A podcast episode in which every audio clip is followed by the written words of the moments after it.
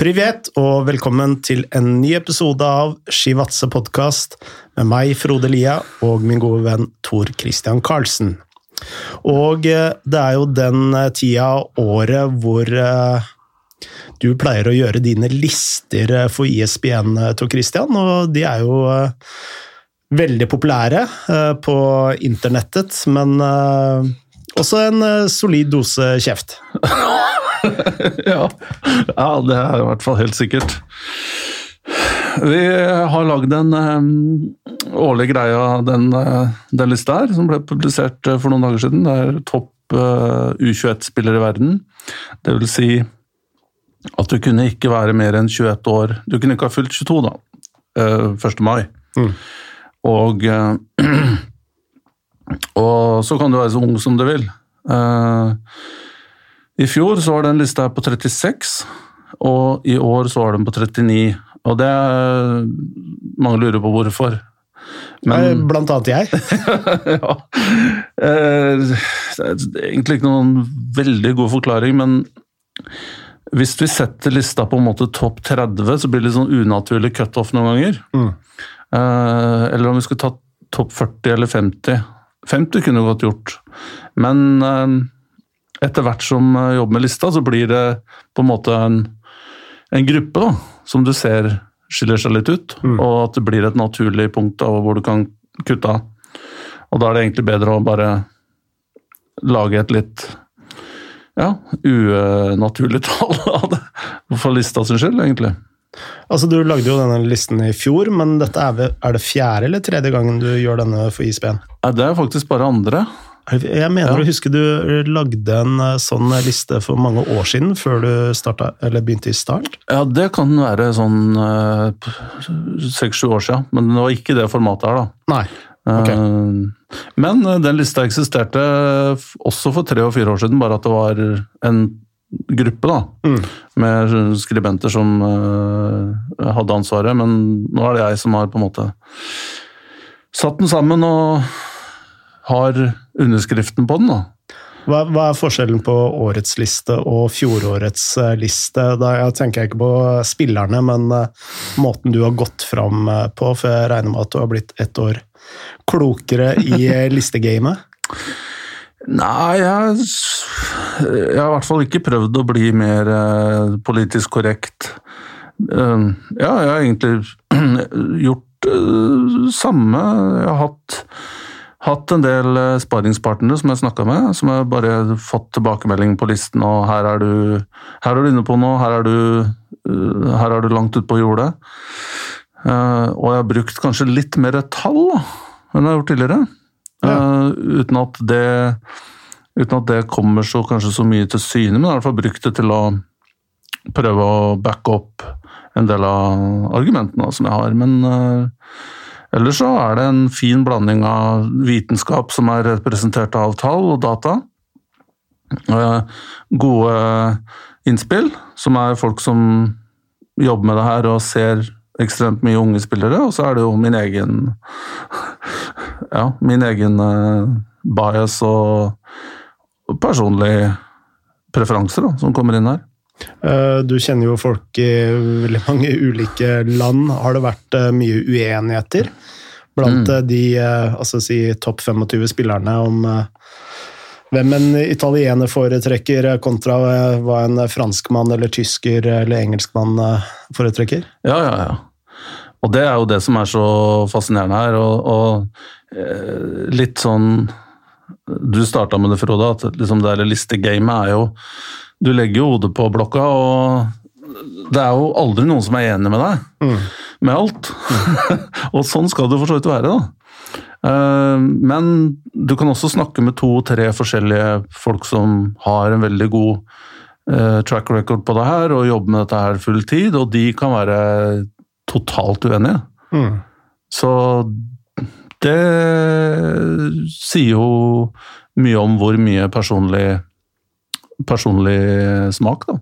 Spiller inn der. Før vi setter i gang, eh, og mens vi er inne på det, eh, og dette er noe jeg lurer på og eh, Her snakker vi om nyanser, men er det noen forskjeller på hva en franskmann ser i en spiller, og hva en italiener ser i en spiller. Altså, sånn, eh, helt av toppen av mitt hode så ser for meg at uh, italienere ser mye mer på klokskap og taktisk uh, kunnskap, mens i Frankrike så ser det kanskje mer på fysikk, fart, og i Tyskland så er det mer uh, grunnteknikk og er, mm. er, vi inne på noe, eller? Ja, ja, ja, absolutt. Du er helt på riktig spor her. og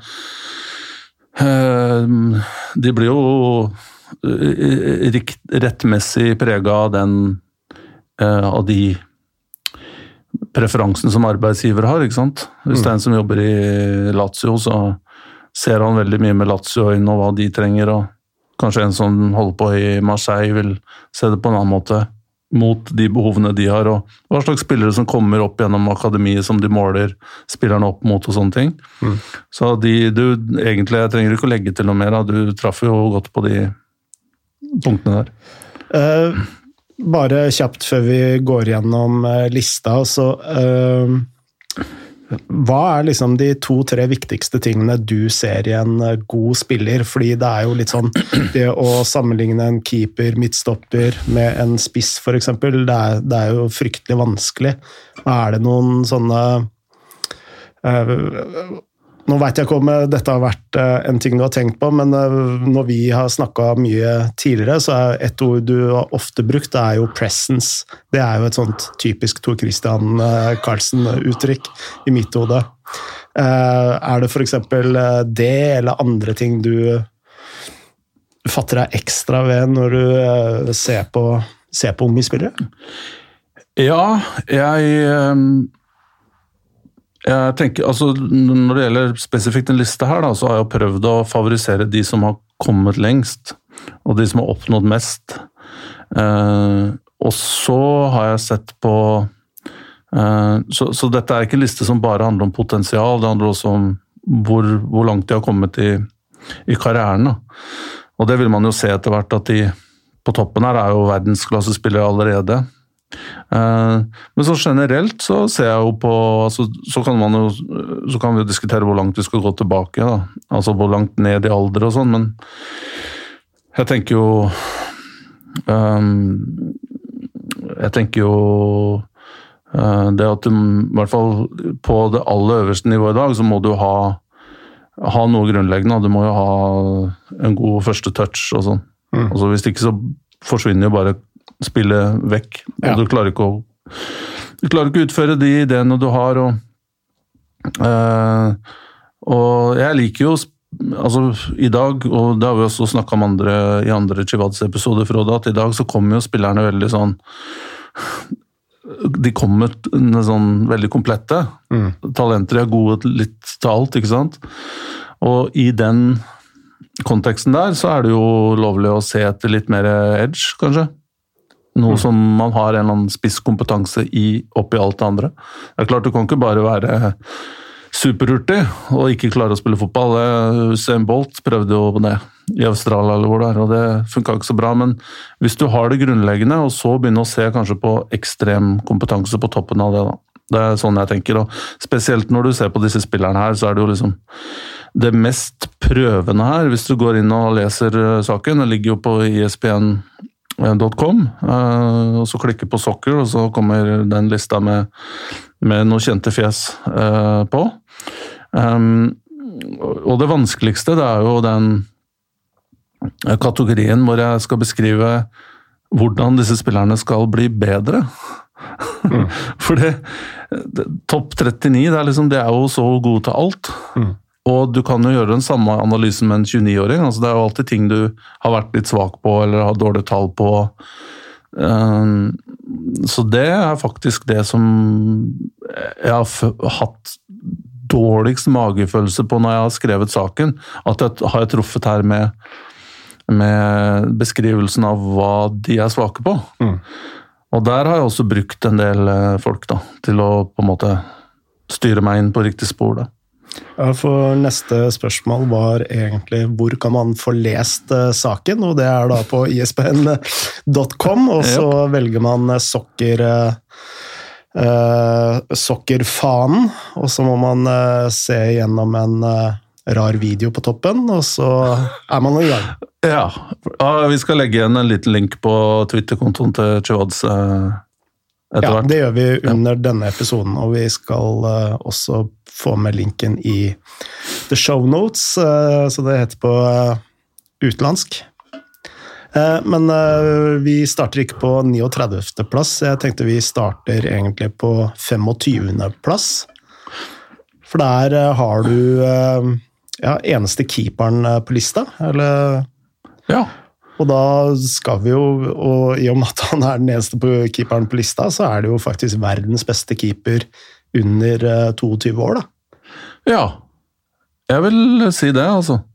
Uh, og by the way, så kan jo folk gå inn og Vi, vi trenger ikke bruke så veldig mye tid på de, som, de 14 som ikke har kommet med og Det kan man jo gå inn på, uh, på saken og se, da. Men, uh, og, og, så blir det veldig slitsomt å, å forklare hvorfor det, det, de ikke er med. Det er jo ti som har arrangert den opprinnelige saken, men Spesielt for Chivadze så har vi satt opp uh, 25 her, som vi gjorde i fjor. Mm. Men, jeg, skal, jeg, jeg, skal, ta det fra 25 til 21, eh, etter vi har snakka om uh, Ilian. Ja. Uh, Melier, ja. Um, nei, jeg, jeg, hadde to keepere. Det var han, og jeg hadde Destan Oglo i Besjikta, som jeg også liker veldig godt. Um, men han kom ikke med blant de 50. Eh, jeg hadde starta sånn 7500, stemmer 7500, og så trimma og trimma. og så kom vi til 39 etter hvert. Han tyrkeren kom ikke med, men um, Melier i, uh, i Leeds um, var egentlig ganske ukjent navn for meg fram til et år siden. Uh, hvor han fikk debuten og uh, da førstevalget ble suspendert, var det vel, mm. i lang tid. Og så kom han inn og har stått siden, bortsett fra noen cupkamper og litt sånn. Men eh, jeg, jeg syns jo det er sensasjonelt at han kommer fra eh, akademi i Lorient, er det vel, og så kommer han til Leeds, og så rett inn og er med liksom i en periode der det har vakla litt før for Leeds, hvor det har butta på slutten, men så kommer han inn og er meget god. Ja, for alle som så den eh, dokumentaren på Amazon, så så man jo at eh, de sleit jo veldig på keeperplass. Uh, altså masse tabber og, og, skader, ikke minst. Og så kommer han inn, og så er han eh, tryggheten Selv om han har to ganske grove tabber før jul her, men uh, ja. han har jo stått bunnsolid for, uh, for Leeds. Ja. Han, han er jo Hvis du selger på tallene, så han blir jo skutt litt i filler, da. Altså, fordi han får jo mye mer skudd på seg enn de andre du kan sammenligne med i Alison og Ederson kanskje, og, og Mendy og sånn. Mm. Som har kanskje halvparten så mange skudd per kamp på seg som, uh, som han her har. Men han har jo en like god redningsprosent. Og så er han nesten oppå opp på 90-tallet på på pasningssikkerhet. Og han slår jo litt lang. Han, altså han, han slår ikke bare støttepasninger ut til bekkene. Han trer litt igjennom, prøver på det. Mm. Han slår, slår, langt og sånn. Så um, jeg syns i hvert fall at det er oppsiktsvekkende tall. Og oppsiktsvekkende egentlig hvor fort han har kommet da, til å være en ung keeper. Mm. Um, nå er jo og det med, Vi har jo prata mye om det med å gå med beina og sånne ting. Og alle, alle keepere gjør feil. Uh, og de feilene til keepere ser jo enda verre ut enn for utespillere. Jeg, jeg tror Ed, Eduard eh, Mendy i, Han heter Eduard, gjør han ikke det? I Chelsea. Han har jo en vanvittig Jeg lurer på om 95 har pasninger. Uh, altså sikkerhet. Ja. Som er helt ekstremt. Men uh, men uh, Melje er jo oppi her og på en måte altså, jeg, Det er hvert fall sjelden jeg har sett keepere, bortsett fra Donna Roma og, og Buffon, da, som er så komplette så tidlig, mm. syns jeg. Det som også er veldig oppsiktsvekkende, det er at han er så god i feltet. Mm. For det er jo litt der unge keepere oftest eh, har noe å hente, da. Tidlig. På, på timingen og På timing, ja. Jeg husker jeg snakka med en keepertrener for mange mange år siden. Han mente vel at syna ikke var fullstendig utvikla før sånn, midten av 20-årene. Så man, ofte keepere har, unge keepere da, har problemer med å time ballbanen, mm. fordi synet ikke er, er helt utvikla. Men eh, bra. Eh, la oss eh, bare ta kjapt fra 25.-plass til 21.-plass. Altså, du har da Ilian Melier på 25.-plass, mm. keeper i Leeds. Og så har du Bobakar Kamara, midtstopper slash defensiv midtstopper på Olympic Marseille. Mm.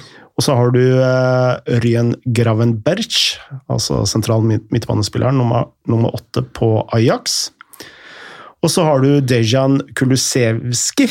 Uh, vår svenske venn i uh, altså Han er vel Juventus-eiendom, men han spiller vel for Parma? Nei da, han er Juventus han nå. Han er tilbake i Juventus? Ja, han, han har spilt for Parma? Han var på lån i Parma, ja. ja. Men han er nå i Juventus og, spiller fast, eller kommer inn på så har du Florian Wirtz uh, på sentral midtbane hos Bayer Leverkosen. Og han er jo 0-3 da, i tillegg. Ja, så han er veldig ung. Ja, han er jo ikke 18 ennå. Nei. Uh, hvis jeg skal trekke fram en spiller som jeg syns er veldig spennende av disse fem, eh, så er det jo Ryan eh, Gravenberch. Og han hadde jeg egentlig trodd du skulle ha litt uh, høyere opp. Uh, litt også fordi uh, Altså, unge midtstoppere og sentral uh, midtbanespillere altså, de trenger jo å gå et par ekstra mil av en uh, angripere. Mm. Og uh, også med tanke på at han er en, sånn jeg ser det, en veldig komplett midtbanespiller. Godt skudd. god defensivt, fint driv, stor fysikk. Han er vel nesten to meter høy, er det ikke? I hvert fall 1,90 Ja. Uh, ja, det var bare øyemålet mitt, så jeg har ikke talt på det. Men uh, han er jo også veldig høy, så jeg så for meg at det var en eh, spiller du ville ha veldig sansen for å ha høyt oppe. Ja, ja han er jo et godt stykke opp her. Han er 02. Uh, 02-modell.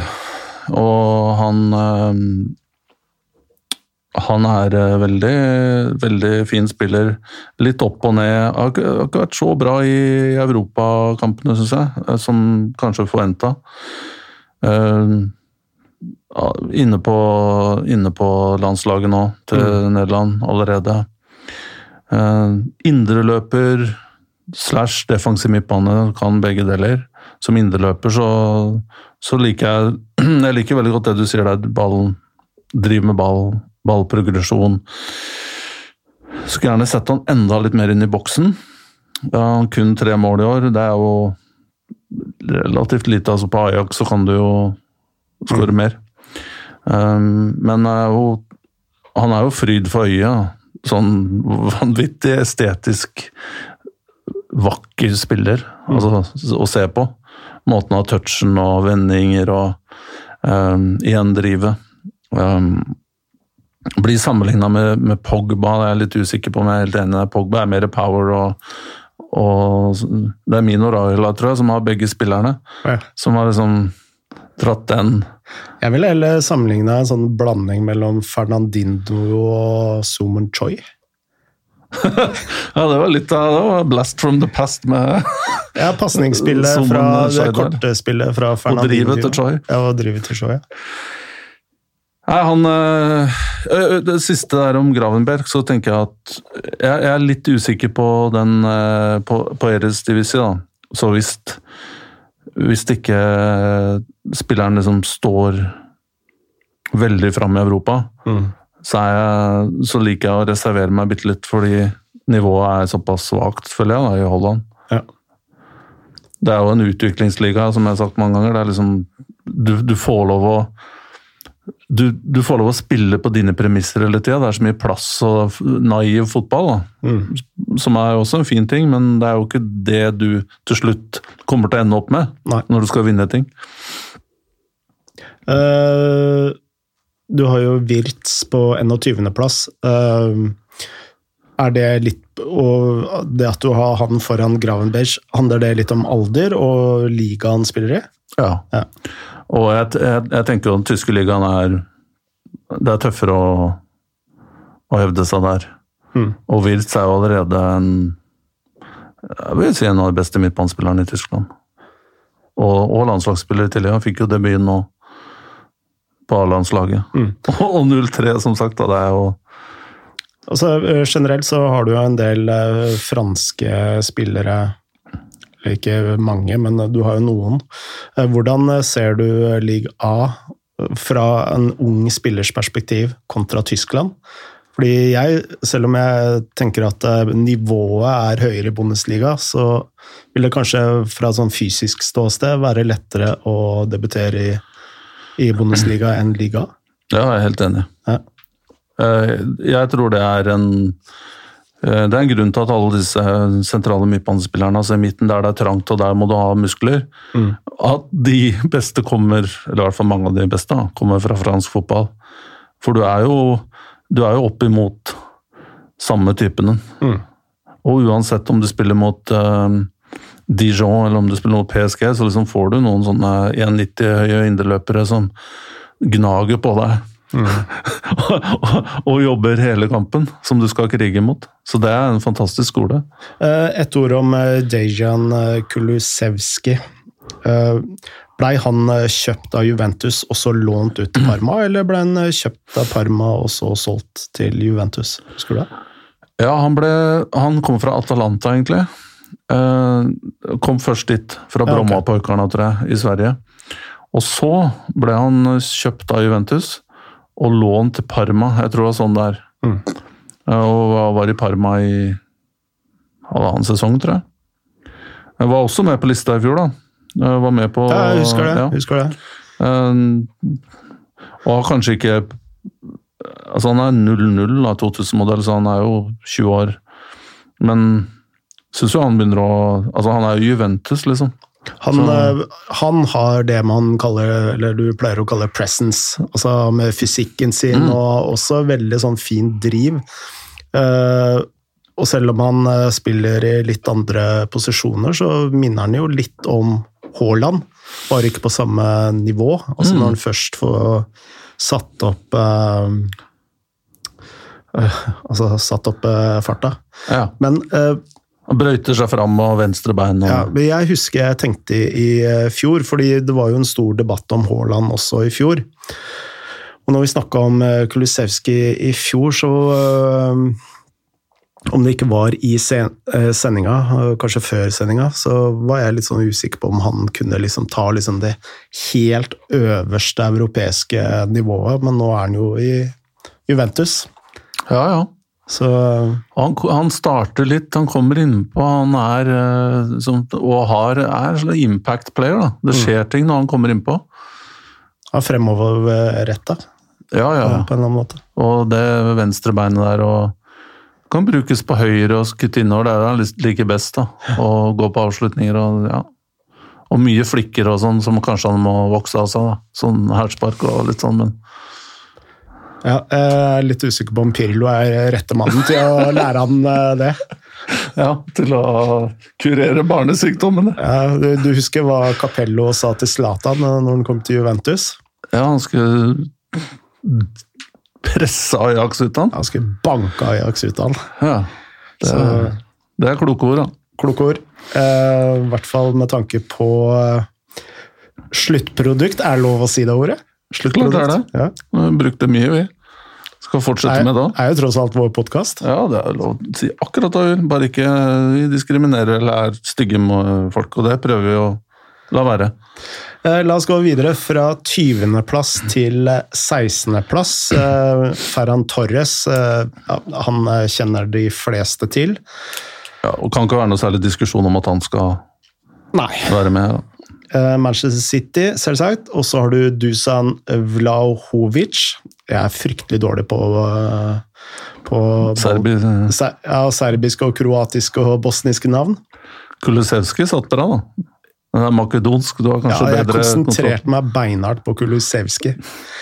Uh, men uh, Dusan han spiller spiss for uh, Fiorentina. Eh, nå tok jeg en spansk en ved å ikke uttale etter, etternavnet. Eh, og så har du, eh, du Du velger jo eh, gode navn, da. Uh, Aurelien Chiuameni. Midtbanespilleren, også nummer åtte på Monaco, vel. Mm. Uh, fryktelig fin spiller. Og så har du Sven Botman, midtstopperen til Lill. Mhm. Og så har du Kai Havertz uh, i, i Chelsea. Um, Vlaovic, spiss i uh, Fiorentina. Eh, jeg syns han minner meg veldig om Oliver Giroud, både på godt og vondt. Um, og grunnen til at altså sånn på vondt så har han litt sånn Girouds uh, touch. da. Altså Ballen spretter ofte, litt sånn uh, histen og pisten, men så er- kommer det alltid et mål eller to i tillegg. Eh, så han eh, er en sånn type spiller som kan ta, ta deg med liksom i de mørkeste daler og opp eh, de på de høyeste fjelltopper, for å være litt metaforisk. Som Oliver Giroud er, da. Jeg mener jo at Olivier Giroud er en av de mest undervurderte spissene, toppspissene, da, i, i Europa. Men det er en annen diskusjon. Eh, Men eh, der følte jeg det var et eller annet eh, likhet. Og i, i likhet med Kulisevskij så tenkte jeg at jeg, jeg ser ikke for meg han i en topp, topp europeisk klubb. Det var det første jeg tenkte når jeg så lista. Og så våkner jeg opp i dag, og så uh, leser jeg overskrifter uh, at Manchester United er villig til å gi 600 millioner euro på han. Godt mulig dette er agentdroppa, men godt mulig det er sant òg. 600 millioner euro Nei, sånt, 60 men ja. millioner euro. Ja. Nei, han er jo en av de mest eh, blitt, da. En av de mest ettertrakta spissene som ikke er i på en måte i, ideelle selskapet allerede. Mm. Og Fiorentina er jo en selling club så lenge de ikke får ordentlig sving på det de holder på med, og klarer å komme inn i Champions League og sånne ting. Og da er du jo litt avhengig av å selge når Mm. De gardinene der er jo forresten uh, Ja, vi sitter i et studio med Purple uh, Purple Rain. ja, Halvveis uh, dedikert Prince og halvveis Fiorentina. Ja, bare vanvittig lik den fargen til Fiorentina på, på rommet her. Men ja, jeg, jeg er enig i at han, han er litt sånn on and off. spesielt i fjor, da, fjorårssesongen, så var det mye sånn Hvis det ikke sitter for den, så ser han klønete ut, som du er inne på. Da liksom da han prøver på mye, og, men, og, og er ikke så, kanskje så mye involvert da, utenfor straffeområdet. Men nå så begynner han jo å Altså, se jo skårings... eh, Skåringssnittet her er jo vanvittig. Jeg lurer på om han har åtte seriemål på siste Nei, ti mål er på siste åtte. Mm. Inkludert straffer, og for en 0-0-modell så er jo det ganske eksepsjonelt i Serie A. Det syns jeg er ganske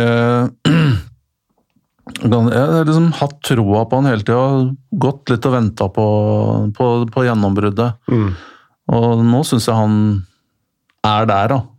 Nå er han på det nivået, plutselig. Mm. At han kan Det blir jo også nevnt, da, som, som jeg har hørt litt fra folk rundt omkring at han er Hvis man ikke får Haaland, så går man for han. da. Mm. I Manchester United. Ja, eller de som er på Haaland, på en måte. Ja. At det kan bli snakk om Real Madrid der, det kan bli snakk om ja, Juventus, kanskje. Ja. Da må jeg bite meg de ordene også. Ja, Det kan jo hende på sikt at du får rett her, Frode, men eh, akkurat nå så er han Den aksjen er eh, Det jeg, det jeg tror da, med han, så må han eh, spille en type fotball som som bruker spissene. da. Altså, Det gir jo ikke noe mening å dra til Manchester City, f.eks. Uh, eller du takker vel ja til det òg, men Ja, men eh, jeg bare lurer på Det er jo en helt annen debatt, vi kan ta en annen Chivadza, men jeg lurer på om eh, Hvis Guardiola får en spiss som kan dunke inn 25 mål, Mm. så må jo han bruke den. ja. Altså, det, er jo, det, det er jo liksom ikke sånn kunstnerprosjekt Guardiola driver med, som man skulle tro noen ganger. At jeg vil ikke ha en nier, selv om han skårer 15 mål, fordi jeg skal gjøre det på en annen måte.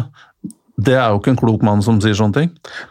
Nei, men uh, Ståle Solbakken sa jo det i, uh, i hans intervju med Alexander Schou i Fotball-TV, at øh, da han hadde møtt øh, Pep Guardiola, så fortalte han at han ikke ville ha en stor spiss, fordi han ble spurt om dette av Ståle. da.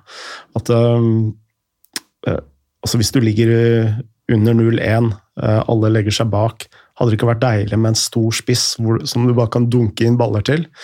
Jo, det hadde vært øh, kjempedeilig, men øh, jeg vil spille meg igjennom, og hvis jeg kjøper en sånn type spiss, så må jeg bruke den. Jeg blir så frista til å bruke den hele tida.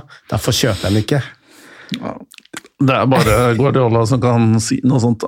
Hadde vi prøvd å komme med det oppå løkka, hadde vi blitt kjempejagd.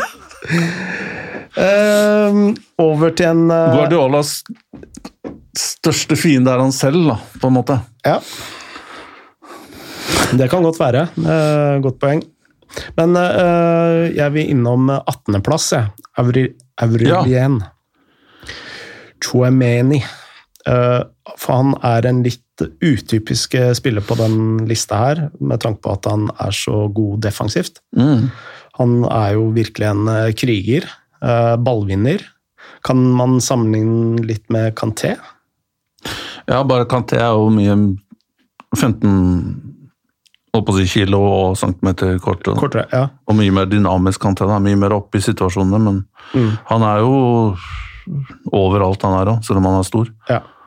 En annen ting jeg liker, eh, li, liker veldig godt med han, jeg har sett Monaco en del i år, og det er at eh, hver gang han har satt inn en takling, vinner ballen, så går ballen stort sett fremover.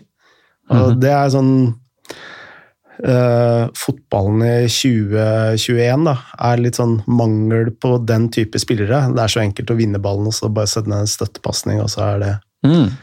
Um, så han er veldig, veldig direk direkte. men Det liker jeg veldig, veldig godt. Jeg vil si det er en av favorittene mine også på lista her. Og jeg vurderte egentlig han på topp ti. Altså. Så, så mm, høyt uh, rater jeg han. Og litt fordi han, som du sier, da, det defensive er én ting. Han er jo i utgangspunktet en defensiv midtbanespiller, men han utvikler seg også offensivt. da. Så lang, altså pasningene 30 meter, 20 meter pluss. Um, og liksom hvis dere ser på han og teknikken på pasningene og sånn, han kan slå på så mange måter. Og presence, da. Mm. Han er jo Ja, hvis Ta den gamle klisjeen, da. Når du kommer i tunnelen der, eller slusa, som de sier i Norge, før kamp og ser han, så veit du liksom Uff, I dag skal det bli Tøff dag på jobben. da. ja, men uh, jeg, jeg, jeg tror det er en av de Kanskje neste ti årene kan bli en av de store midtbanespillerne i verden. Altså. Mm. Det er sånn Real Madrid Jeg så Casemiro da han var Ja, når var det? Det var i 2011. Da var han 19, da. Og så han i mange kamper i det U20 Sudamericano. Og Chuamenia er mye lenger framme, vil jeg påstå. Ja, for han, eh, han ser jeg for meg i Real Madrid om Mm. få år, liksom. Ja, Real Madrid-spiller. Mm. Veldig bra. Uh, uh, Sven Botman, vil du si noe om han, eller? Jo en kjempesesong i Lille nå. Ja. Vi har jo, jeg lurer på om jeg snakka litt om han uh, her før, ja, men uh, Ja, du har det. Du har Ja. anbefalt han tidligere. ja, han er uh, bare Syns jeg er knallgod stoppere, og Mm. venstrebent og Igjen pasninger opp i 92% eller noe sånt. Over, over 90, tror jeg nå, sjekka sist. Og ja, ruver i lufta og kontroll på alt. 0-0. 2000-modellet. Og som jeg sier, venstrebent og som har presence på banen. Og kommer det ordet der igjen, da, men det, det er jo ikke bare bare å gå fra Hvor var en Herumfen i fjor på lån fra Ajax? Rett inn i liga og leder tabellen nå. Det er helt utrolig. Ja. Helt utrolig. Uh, på 16.-plass så har du Kai Havertz. Eh, med tanke på all bøsset rundt han i fjor sommer. Bøsse? Det kan Bøsse. bety så mye, men ja. Jeg, ble- plutselig har jeg bare sånn der fotballterminologi i hodet. Jeg klarer ikke å si det ordet engang. Eh, er en 16.-plass litt skuffende eh, for hans sin del? Han var vel nummer seks i fjor, da. Og den sjetteplassen var den som ga meg flest søvnløse netter, Frode. Jeg følte han skulle vært høyere. Mm. Uh, for det han holdt på med i Leverkosen i fjor, det var uh, Det var verdensklasse, vil jeg påstå. Og da var det jo altså, Og igjen, da, i researchen til den lista her Og så kan mange le og, og humre nå, ja, men han har dårlig sånn, koordinasjon og tryner og øh, sånn. Den beskrivelsen som står der nå, og, og i fjor, det er jo sånn vanskelig å kanskje se det da, Mm. i, i Premier League, men de jeg snakka med og i, i, i- fjor, i researchen av lista her, og da snakka jeg med og og det er de folka jeg også Mange av dem jeg snakker med i år, det er jo folk som har ansvar for å scoute og anbefale og forhandle spillere til noen av de største klubbene i Europa. Og det var liksom Den ene spilleren alle ville ha, var Kai Havertz. Mm. Og da nytter det liksom ikke at folk på Twitter driver og skriver «Ja, Se, han har ræva. Det er Ok. Um, ja, du er der på Twitter og liksom Mm. Eh, hvor- hvordan, hvem, Hvorfor er du kvalifisert til å liksom, si det, da? Men det er jo alltid mange årsaker til at en spiller ikke Ja. kan lykkes et sted. Altså ny liga, nytt lag, trener som spiller på en måte som kanskje ikke får det beste ut av deg. Du ser jo at han er jo en helt annen spiller nå Ja. under uh, Tukkel enn eh, han var under Lampard. Ja, og det andre her, Frode, det er jo at um, i dag og nå, nå skal jeg ikke ta en sånn derre wine om det, men i dag så er det sånn altså jeg, Wenger har jo alltid sagt at du må gi en spiller som kommer fra utlandet, i hvert fall.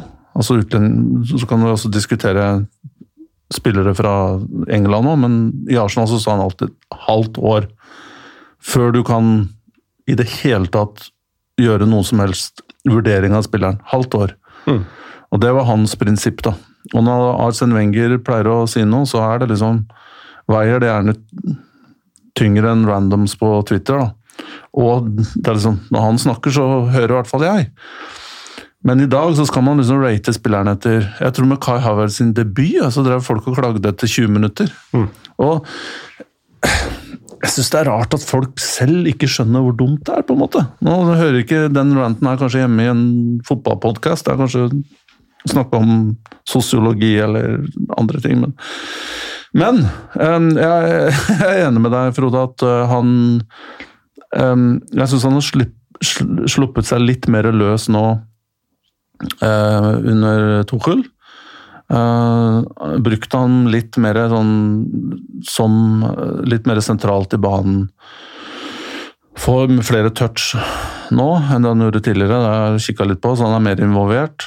Um, og det liker han jo, ikke sant. Han er jo en spiller som liksom våkner når, når man får possession og man skal etablere angrep og sånn.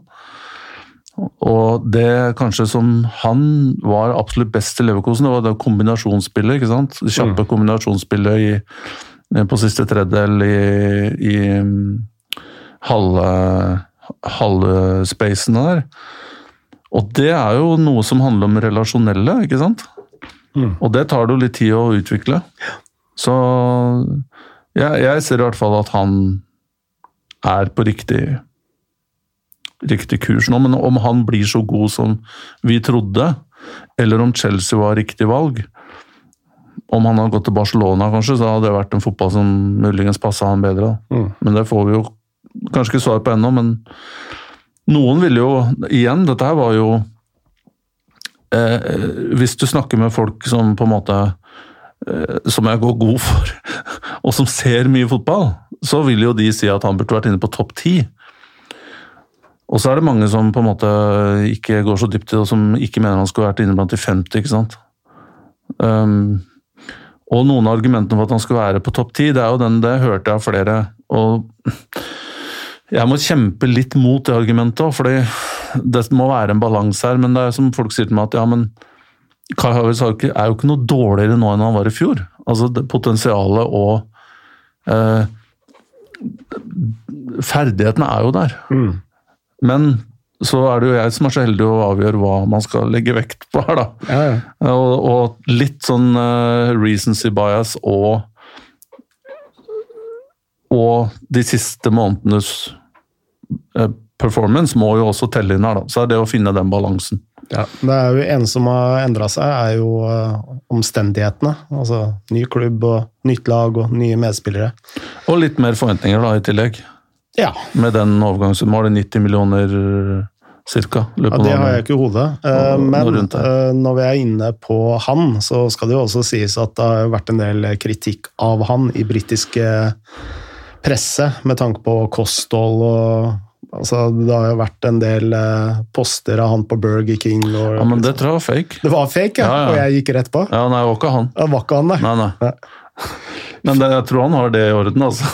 Akkurat det med Det er godt vi fikk sånn. opp, oppklart det, da. Det var bare look-alike. Eh, bra. Eh, la oss gå videre fra 15. til eh, 11. plass. Og eh, før vi går gjennom her, eh, litt eh, som du var innom med Aurelien, så er det jo en forskjell på hvem du egentlig mener er best, og hvilke spillere du har eh, Troa på. eh, Ja, eller tett i hjertet, for å bruke et romantisk uttrykk. Tett hjerte? Tett til hjertet, ja. Oh, ja, ja, ja. Tett hjerte er kanskje noe annet. Det er noe annet. Da spiller du ikke fotball. eh, og eh, på ellevteplass her så har du jo en spiller som jeg veit du er veldig glad i, som jeg også er veldig glad i.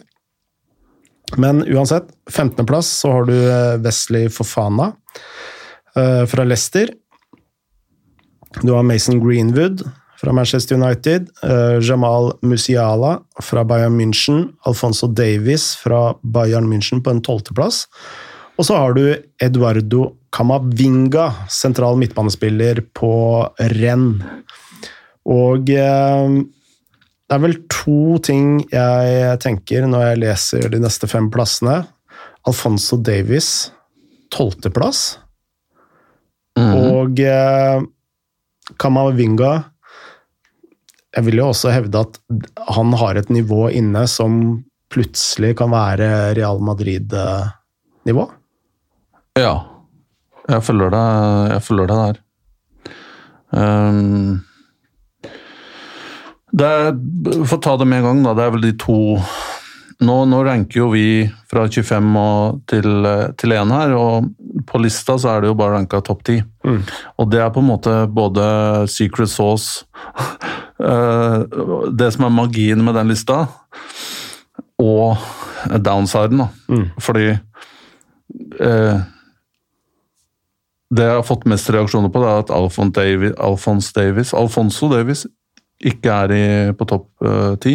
Mm. Og 98% av de som maser om det, har jo sånn Bayern-logo i, eh, i profilbildet. Ja. På, på sosiale medier, så det liksom Det får man jo ta Jeg har ikke vært på Twitter på en uke, så Nei. det veit jeg ikke noe om. Eh, Det, dette her er utelukkende min egen observasjon. Ja, ja. Jeg har ikke blanda deg inn i det her. Men jeg ville bare orientere om hva jeg har fått mest eh, Mest kritikk for, og det er Greenwood, da, selvsagt. At han ikke er der inne. Og igjen så er jo det eh, folk med, med rød logo eh, som eh, klager over det. Eh, Jeg mener det er riktig, eh, både Davies og, Greenwood. Eh, Davies fordi han har hatt en ganske dårlig sesong, for å være helt ærlig. Mm. Altså Hvis du går inn og ser på det Ja, han har vunnet Champions League, han har vunnet serien, det er snart et år siden. Eh, Men på rent individuelle prestasjoner, hvis du sammenligner mot 20, altså fjorårsliste, var han inne på topp topp 10. Um, han var vel kanskje på sjuende eller noe sånt. så ha, har han jo vært svakere i år, og det er jo alle Matrix og um, tall og øye backer opp det. Uh, og så skriver jeg også omtalen her at uh, han er liksom uheldig, han, at han ikke er med i topp ti, og at han har potensial til å bli beste bekken i verden, kanskje. Og at det er normalt at han har en, en down, et down-år. Uh, når det gjelder Greenwood, så føler jeg at han han hadde vel også bortimot en bedre sesong i, i fjor. Um, men med han så er det litt sånn som um, vi var inne på tidligere her, var det med Vlaovic. At jeg føler hele tiden at han er akkurat på nippet til å bryte gjennom, til å bli liksom verdensklasse. Eller la oss si nivået akkurat under der, da. Mm. At han og han har så mange mål i seg, han har så mange ferdigheter, han er så, så stort naturtalent at når det først kommer, så kommer det til å komme liksom Da, da er han der. Da har han etablert seg. Han er ikke helt der ennå, synes jeg. Kanskje nå. Nå har han en liten run igjen. Han har skåret litt mål og kom innpå her i Europaligaen og skåret og hadde vel noe uh, Var god i rundene før der. Og Um, og så får man jo se da, om man, om man er uh, best ute på høyrekanten der, eller om man potensielt skal være midtspiss. Mm. Uh, jeg syns jo kanskje som midtspiss at han har vært, er litt naken da, ennå. At han ikke får involvert seg, brukt ferdighetene sine bra nok. Um, men igjen, potensialet er jo er jo kanonstort der. Men jeg, jeg syns det er vanskelig å argumentere for at han skal være noe høyere. Ja, det er jeg enig i. Helt enig i det. Men, Men kjøper, kjøper argumentet ditt eh, for eh, Alfonso Davies òg. Um, uh, og altså når man begynner å argumentere for at Mason Greenwood skal være høyere, da. Så når vi først kommer til topp ti, så må man begynne å plukke ut spillere. Og det er ja. ikke veldig mange spillere der som man, eh, man uh, rangerer over Greenwood.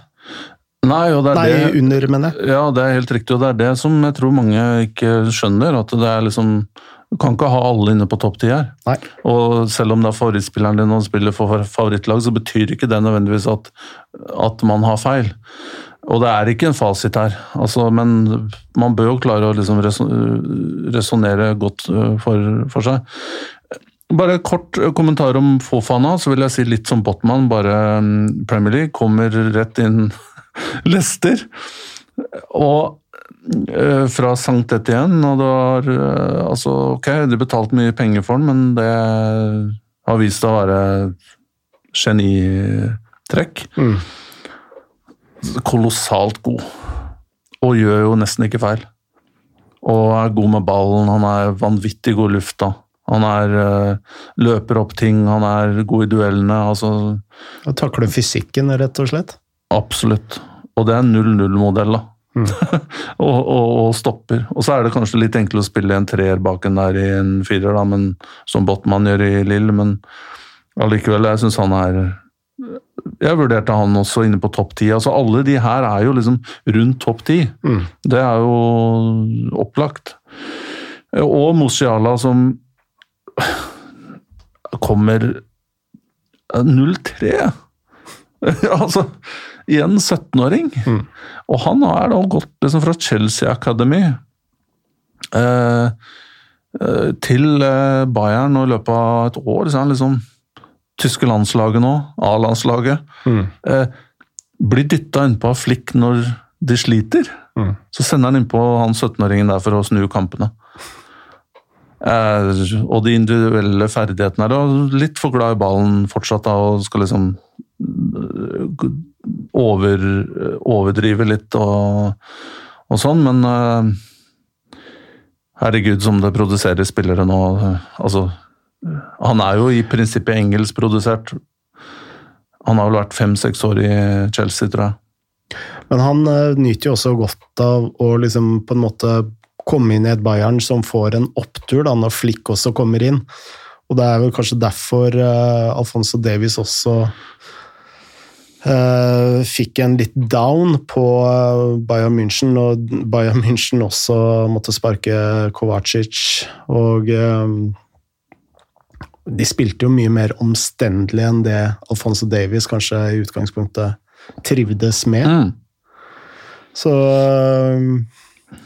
Men Kamavinga igjen, ta han, da. Uh, der uh, følger jeg deg også på at det er Madrid spiller. Som erstatter på en måte Modric eller noe sånt. Som en slags regista, da, som man Som hipstere begynte å si 20 år etter på en måte Man burde ha starta med det. Ja. Men det blikket for spillet Måten han både kan vinne baller og, og gi enkle pasninger, få flyt i spillet, styre tempo. Alt det der. Og har spilt på et lag som er, har vært i kjempeform eh, fram til i går, faktisk, hvor de tapte mot Bordeaux. Ja, nedrykkskandidat. Eh, og de spiller jo for eh, Europa neste år, men eh, mm. Fikk rødt kort etter åtte minutter. Gjorde du Kamavinga? Nei, eh, renn. Ja, ok. Så uh, han, han, var det mange som uh, mente at det var galskap ikke å ha på topp ti her. Ja, uh, men her er vi, og her kommer vi til poenget som jeg ikke Han er elleve. kom, kom fram til. Fordi hvis du ville satt en liste med spillere som sto ditt hjerte nærmest, for å bruke et romantisk uttrykk, så ville kanskje han vært der nummer én? Um, kanskje ikke én, men han hadde i hvert fall vært topp fem, mm. ville jeg sagt. Men, men, jeg har inntrykk av at det er mange som ser som spiller litt for mye football manager. Mm. Og som ikke på en måte har sett spillerne så mye i in the flesh. Nei. Som uh, kanskje burde gjort det. Ja, for det er, jo, altså det er, jo, ulike måter å se fotball på. Altså Hvis du f.eks. er trener, så ser du etter helt andre kvaliteter i en spiller enn uh, du gjør som en uh, vanlig altså, fotballseer. Uh, og hvis vi går tilbake til Aurelien Midtbanespilleren i Monaco, så hvis jeg hadde vært trener et sted, så hadde jeg tenkt han der vil jeg ha. Han der vinner baller på midtbanen. Han uh, kan sette opp de gode spillere fremover. Han er den første jeg tar ut. Uh, litt sånn uh, ville du kanskje Mens hvis du hadde vært uh, fotballmanager-type, da, og skulle liksom handla blant disse her, så ville jo Alfonso Davies f.eks. vært Du ser bare speed-raten og ja. ja. Det er ikke så mye å legge til. Nei. Eh, la oss gå videre til eh, tiende til eh, sjetteplass, og her begynner vi å komme inne på en del household names. Men det er også en del nye, nye navn, selv om de fleste er spiller i store klubber. Altså du har Bukayo Saka. Ja, nå kan vi ta igjen etter den, kanskje? Ja. Starte med han? Ja. Hva tenker du om det? Det var det som var mest kontroversielt, mente mange. Ja, uh, altså jeg har jo også en podkast uh, hvor vi uh, diskuterer odds-spill. Og Arsenal har jo vært ofte på blokka, fordi prisene på Arsenal har jo liksom variert veldig mye. Pga. variasjonene i, i prestasjonene. Men Saka er den de fleste er enige om at må spille hvis du skal sette penger på Arsenal. Ja. Så er det Saka ved siden av Abubiyang. Liksom ja. de to, to, viktigste. Så eh, jeg syns han er en uh, fantastisk spiller som vi har bare sett uh, liksom starten av. Og jeg tror at ikke for å gå helt i hipsterfella, da, men hadde Saka spilt i, en, i renn, da, eller eh, så hadde vi snakka om han på en helt annen måte.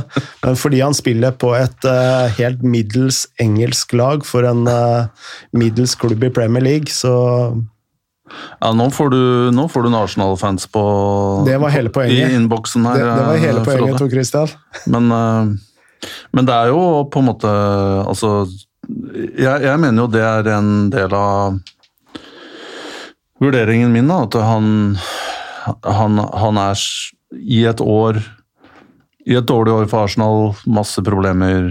Eh, altså, man, man, man liksom har ikke landa helt på hva man skal gjøre eh, med klubben.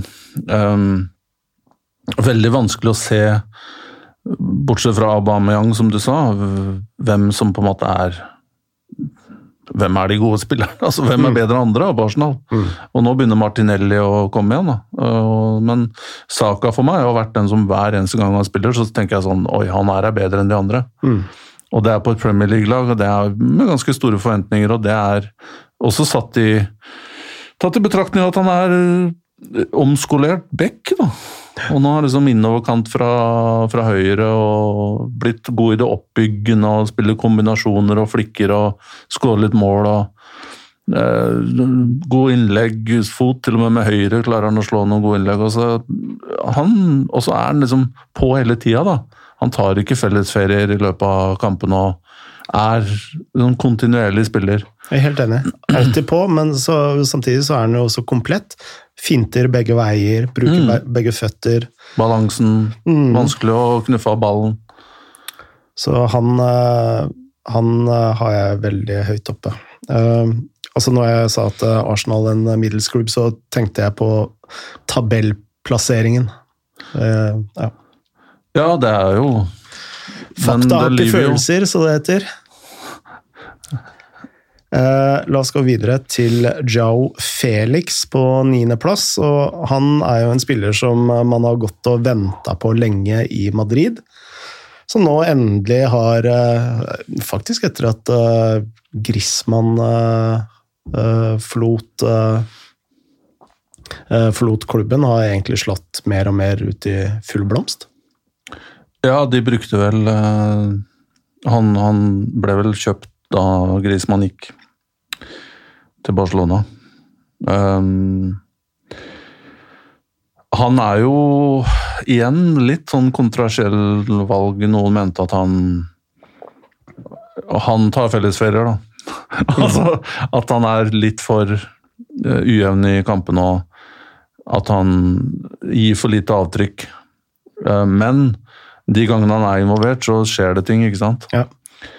Og det er det, men her her var det også en del diskusjoner som jeg hadde, og det, det kan jo For folk som ikke kjenner spansk fotball så godt, så går det an å, å, å kikke litt på han og gjøre opp egen mening òg. jeg syns han starta sesongen veldig bra, og det var en periode der på høsten hvor jeg tenkte at nå har, nå har Joao Felix nå, nå, er, nå er han der. Igjen, da. Litt som med Grimwood og, og Vlaovic. Nå har, liksom, nå har han kommet Han kosta jo 125 millioner euro var. Så det er klart han har jo pedigree. Eh, men så syns jeg at det, liksom, det fada ut litt igjen, da. Men når han er på sitt beste, og den nærteknikken der og de vendingene og spilleforståelsen og måten han opererer i mellomrommet på Det er ja, når, han, når han er i hjørnet, da, så er det, en, det er ikke mange spillere i verden, selv om jeg ikke er kjent for å være en sånn der liksom Som ligger og sikler etter teknikere, nødvendigvis. Men han er så morsom å se på, syns jeg. Og passer jo egentlig ikke inn i Simione sin filosofi, da, egentlig. Nei, og han har jo sagt at han ble, fikk jo fullstendig sjokk av treningsregimet til Atletico Madrid. At han alltid har følt at han har gått eh, rundt sliten, da, men at han nå er i ferd med å komme inn i det. Og, Ja. og nå priser han jo eh, eh, Simione opp i skyene. Eh, Så får vi jo legge til at det kan jo ha taktiske årsaker, det. Men ja, aldri dumt, det. å nei. Gi noen komplimenter til sjefen. Men i hvert fall, jeg syns det er en herlig spiller, og, og, og, og tror at han var 99, eller? Um, 99, ja. Ja, så han forsvinner jo sannsynligvis av lista her neste år, hvis ikke han Ja, det gjør han jo. Um, men han, han burde kanskje vært fra å være ni eller ti eller åtte i fjor, nå har jeg ikke den lista foran meg, men jeg hadde vel trodd at han kom til å være topp tre i år, Mm. egentlig.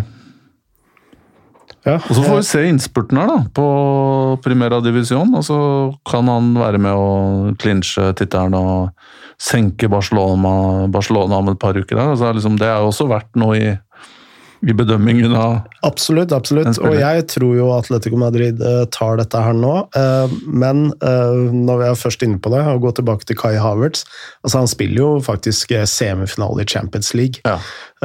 Så, um, så vi skal være litt forsiktige med å snakke, eller i hvert fall folk på Twitter, snakke ned Havertz. Med tanke på eh, Og jeg syns jo de så fryktelig gode ut mot eh, Real Madrid ja, eh, borte der. Så det er ikke bare bare å liksom spille, spille seg til toppen av, av lista. Nei, og Det virker som at mange glemmer at dette er gutter som er 21 og yngre. De fleste er jo, det er jo De færreste her er jo 99. Mm. Jeg lurer på om det er bare tre eller fire-fem som er 99, og resten er jo yngre. Så det liksom, får være grense hvor mye vi skal forvente av, av, av unge talenter. La oss gå videre til åttendeplass, og der har du en spiller som jeg egentlig har gått litt sånn Jeg har tenkt å ha vært litt sånn uforløst. Helt til jeg så han i Champions League mot eh, Liverpool, og da tenkte jeg nå har det løsna for han. Og vi snakker om Venitius junior i eh, Real Madrid. Ja.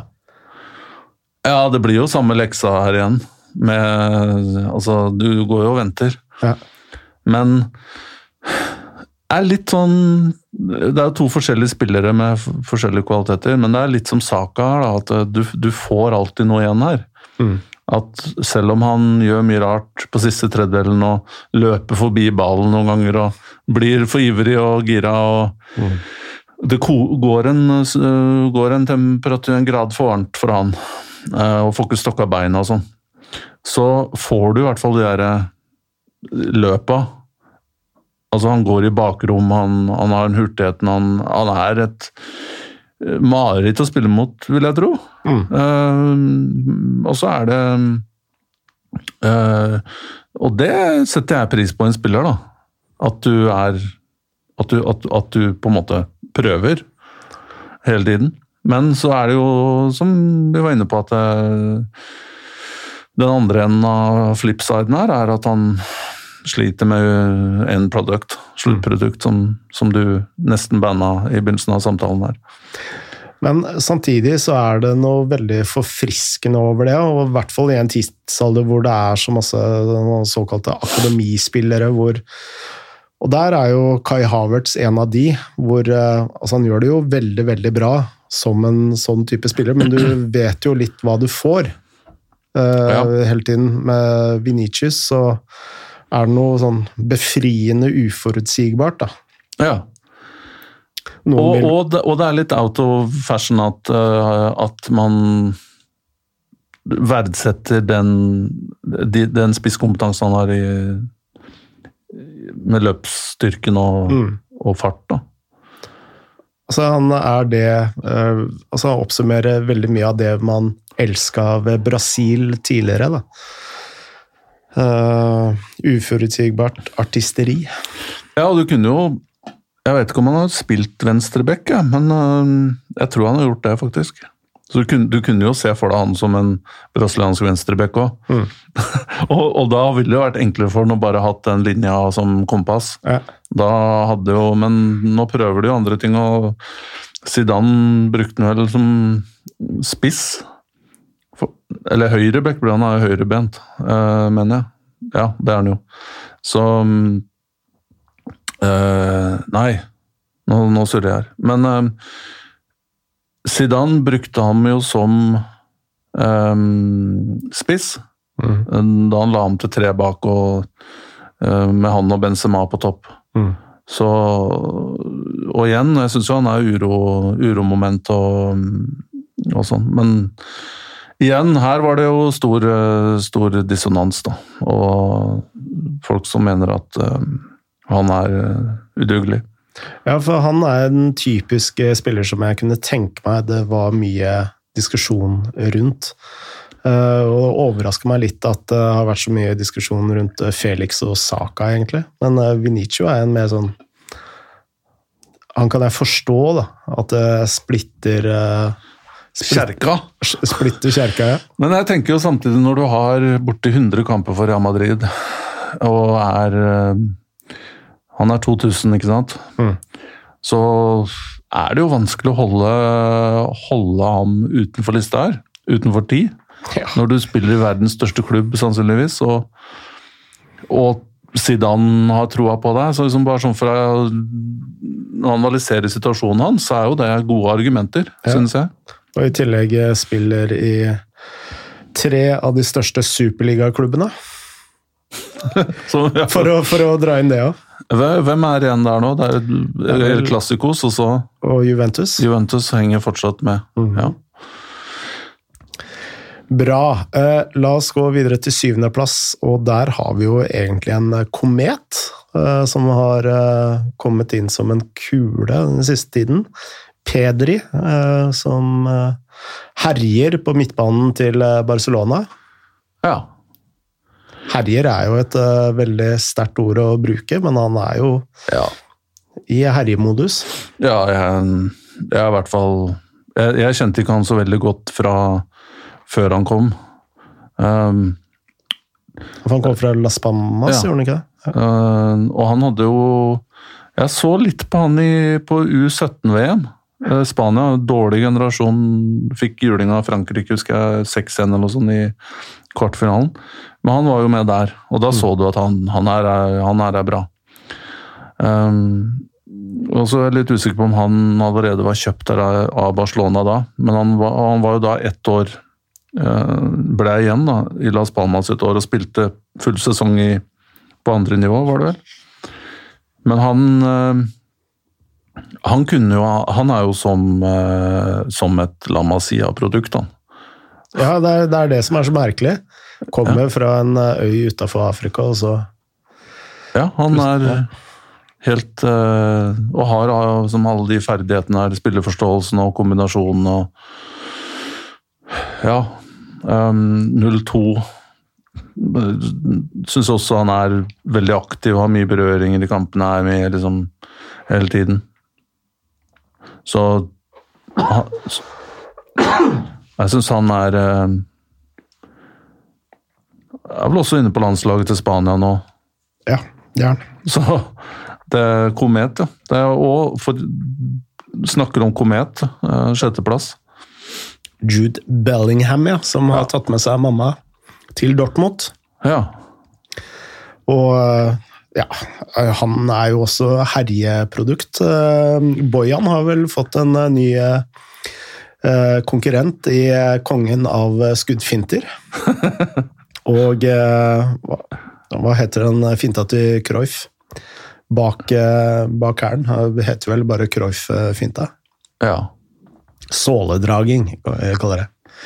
Men eh, har jo bare tatt Bundesliga fullstendig med storm, og jeg, må jo si jeg er fullstendig forelska i Jude Bellingham. Ja, jeg joiner deg, jeg joiner deg i den uh, rusen der, altså. Han er er skikkelig gøy å se på å spille fotball. Og, og, og 17 år. Mm. og det latterlige eh, Altså, han har nettopp fylt 16 år. Så debuterer han i championship. Og spiller en hel sesong i championship som en eh, ledende spiller for Birmingham. Altså som bærer laget, på en måte. Mm. Som 16-åring. Det er ikke noe lekeplass, altså. Championship. Og, og, og, og så tenkte jeg ok, nå går han til Dortmund. Ja, de betalte bra med penger for han, men de, det jeg hørte fra Dortmund, det var at han er Etter hvert skal vi på en måte fase inn, og han skal få tid på seg. Og, men som du sier, da, blir han kasta inn og er ja, I hvert fall etter jul så er han jo en av de beste spillerne på Dortmund. Han eh, har jo en lang eh, landslagskarriere. Altså, han har jo spilt U15 og Ja. landskamper på alle, alle trinn, så vidt jeg veit. Og det som jeg syns er veldig spesielt med, med Jude Bellingham, det er at han Han var et sånt barnetalent, ikke sant? Mm. Så du kan gå inn på YouTube og søke på han, og så ser du sånne videoer fra da han var 11-12. og Han var faktisk ikke så veldig fysisk utvikla, tror jeg, på det tidspunktet. Men da er det en sånn spiller som bare løper i slalåm rundt motstanderne. Mm. Som ser ut som en ballbingeunge, da. Men så fast forwarder vi til 2021, og så ser vi en, en toveispiller med, med eh, vanvittig fysikk og løpsstyrke og liksom en skikkelig indreløper, åtter. Mm. eh, Som, som eh, Der har du presence. Og som blir bedre og bedre etter hvert som nivået øker. Jeg synes best, altså Det der Sevilla- Sevilla-kampene eh, til Dortmund og City syns jeg han var Altså, han piker, da, når, når motstanden er god. Hva er dette her for noe? Men eh, her kan vi altså Vi snakka om eh, Capello som banker ut Ajax av, eh, av Zlatan, kan vi si. Championship har banka ballbingen ut av Jude Bellingen. eh, fordi han eh, Jeg tror jo at eh, det å liksom spille 30-40 kamper for Birmingham det gjør jo noe med deg ganske tidlig. Eh, så det å liksom Selv om Bundesliga er et mye høyere nivå, så er det jo sånn Den fysiske delen av spillet har, har du vært igjennom noe som er mye tøffere, tenker jeg. Og eh, Ja. Og, og jeg, jeg, jeg syns det er så moro med sånne spillere som vi, vi, vi ser det noen ganger her i Eliteserien, med Sarawi f.eks. Ok, han er litt eldre, han er vel øh, Han var ikke 17 år da han kom inn på Vålerenga, men hadde han fått sjansen, så hvem vet? Men som plutselig Ja, du, du tenker sånn, det blir spennende å se, her er, her er et Vålerenga-produkt. Ok. Og så, tre kamper senere, så, så dominerer han. Mm. Det syns jeg er så veldig kult. Um, jeg tror jeg har fortalt den historien her først, men jeg, kan, den er, jeg skal lage en veldig komprimert versjon. Men jeg husker da eh, 2012, på sommeren, vi skulle på treningsleir med Monaco til Østerrike. Og mangla én plass, var en spiller som ble skada. Jeg tror vi hadde 25 eh, logistikk da, til at vi skal ha med 25 spillere. Så spurte jeg Ranieri om vil du ha med en spiller til eh, for han som ble skada, eller er det liksom, klarer du deg med de vi har, eller Nei, ta gjerne med en til. Eh, ta gjerne med en fra ungdomsavdelingen. Og så sa han jeg vet jo ikke hvem det er, men kom med en. Så tok jeg en god prat med altså Jeg hadde jo oppdatert meg eh, litt, da. Så jeg hadde jo en i bakhodet som jeg ville ha med, og det var Janni Carasco Ferreira. Mm. Så han ble med på en, på en måte en sånn eh, ledig billett. Og eh, no, liksom noen dager så, så ringer jeg Eller jeg reiser jo dit til Østerrike da, eh, etter hvert, og så tar jeg en prat med Ranier og så sier jeg vi skal spille mot Newcastle, og så sier jeg hva, hva tenker du? Nei, men jeg skal starte med han unggutten der, ja. Mm. ja, ok. Uh, han ser bra ut på trening og får gi ham en sjanse. Så han starta mot Newcastle. Og han, jeg husker ikke hvem som var høyreback på, på Newcastle, men han totalt og, altså Han overkjørte jo. Altså Den venstresida da med Carasco der var jo helt, helt vanvittig. Og, og han starta jo da første seriekamp og skårte direkte frispark fra 25 meter. og liksom kommer nesten fra intet. da. Ok, Han har spilt under 17 med Belgia, og så vi visste han var et god talent, men liksom for han, når han kom inn på laget, så var det ikke noe tvil om at han var god nok. Han liksom bare, han, vi syns det var moro at Oi, vanvittig bra, Jannik, og gratulerer. Han, Ja. og sånn, ja, men vi skal jo videre. Vi skal ikke stoppe her.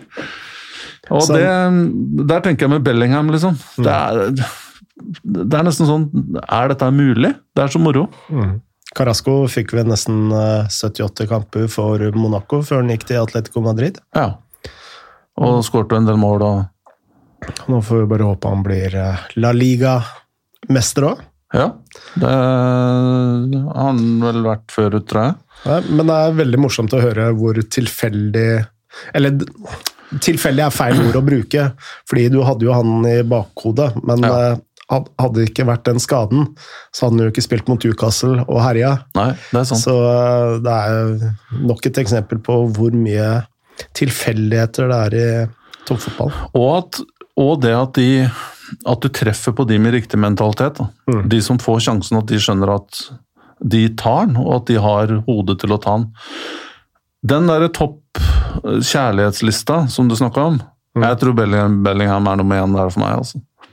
Ja, det er jeg enig i. Ja, Han er nummer én. eh, Men vi kan jo ta kjærlighets, topp tre kjærlighetslista etterpå. Ja, la oss gjøre det. Eh, fordi eh, nå må vi ta topp fem, og der har du Mattis Delight, midtstopper Juventus. Ja. Fra, han var vel kaptein på Ajax før han var fylt 20. Før han var tørr bak øra. Tørr bak øret. Er det noen som sier det fortsatt?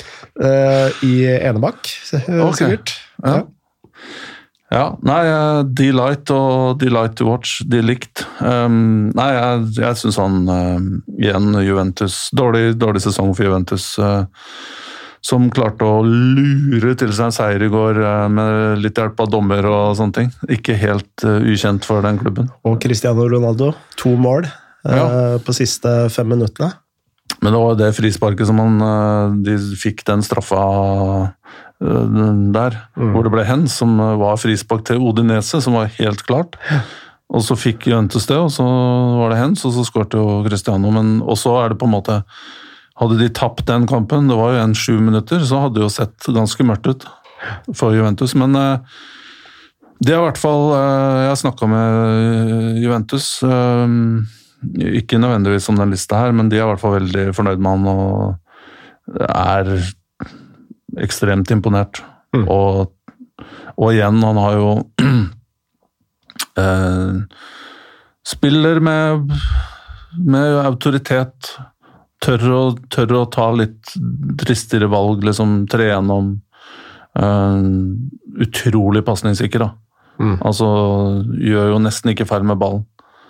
Og vinner duellene også høyt oppe på banen. Veldig gode tall på gjenvinninger på motstanderens halvdel.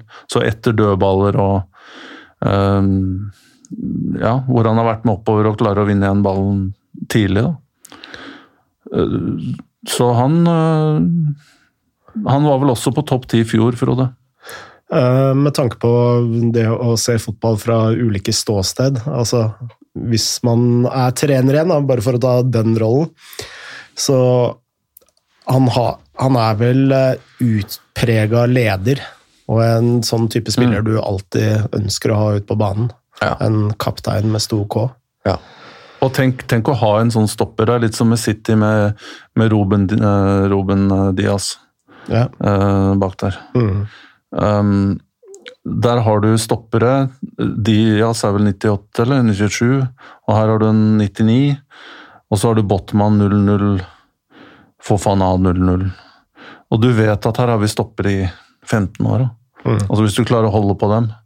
Men når du er sitter i Juventus, så vet du at du er på en måte på toppen av pyramiden. og Mm.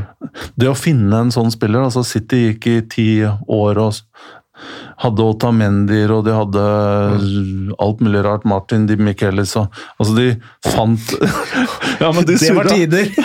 Ja, de hadde jo til og med Jerome Boateng og var ikke fornøyd med han. og det liksom De gikk etter stopper hele tida, fant ikke, og så finner du finner du, og Det er litt med samme Juventus her, som mister Chiellini. Bonucci er godt opp i åra. Mm.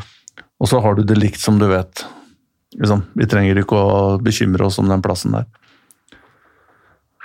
Husker jeg så Di Michelis eh, for Malaga, før han gikk Ja. til eh, Og da tenkte du toget hadde gått. Ja, da tenkte jeg at eh, Jeg er litt usikker på om han har høyere toppfart enn meg, men Jeg lurte de siste par årene i Bayern Ja. om det her holder dette her lenger. Det er vel kanskje den jeg, jeg, Nå må jeg tenke litt, men jeg tror det er den treigeste midtstopperen jeg har sett live. Eh, sånn på toppnivå, så sånn helt seriøst. Eh, jeg tror ikke jeg har sett noen treigere. Han var fryktelig treig. Ja. Han sto bak der og eh, flink til å rope og peke, han òg. Ja. Men vant Premier League-tittelen òg. Han gjorde det. Han må vel eh, takke sin eh, chilenske trener, Pellegrini. Ja. Um, Men det er sånn spiller Nå blir det digresjoner her, men jeg tipper hvis han ikke hadde gitt seg, mm. så hadde folk gitt han kontrakter. Sånn det er litt som Kjetil Wæler, ja, ja, da hadde han spilt i Real Betis i dag. eh, Ja, mest sannsynlig. Og så hadde han fått en tur til uh, Corinthians, og så hadde han plutselig så er det tilbake til Olympic Marseille igjen, og så Ja. Ja. Så skal jo sies at uh, Kjetil Wæler var vel veldig mye bedre trent enn det Di Michelis noensinne har vært, uh, vil jeg påstå. Kjetil Wæler er vel PT til og med, tror jeg. Ja. Så han eh, vet nok eh, hvordan han skal ta vare på kroppen. Fjerdeplass, Ansu Fati. eh, vært ute lenge med skade nå. Mm. Men det er vel ikke mye debatt om at han er topp fem på en sånn liste.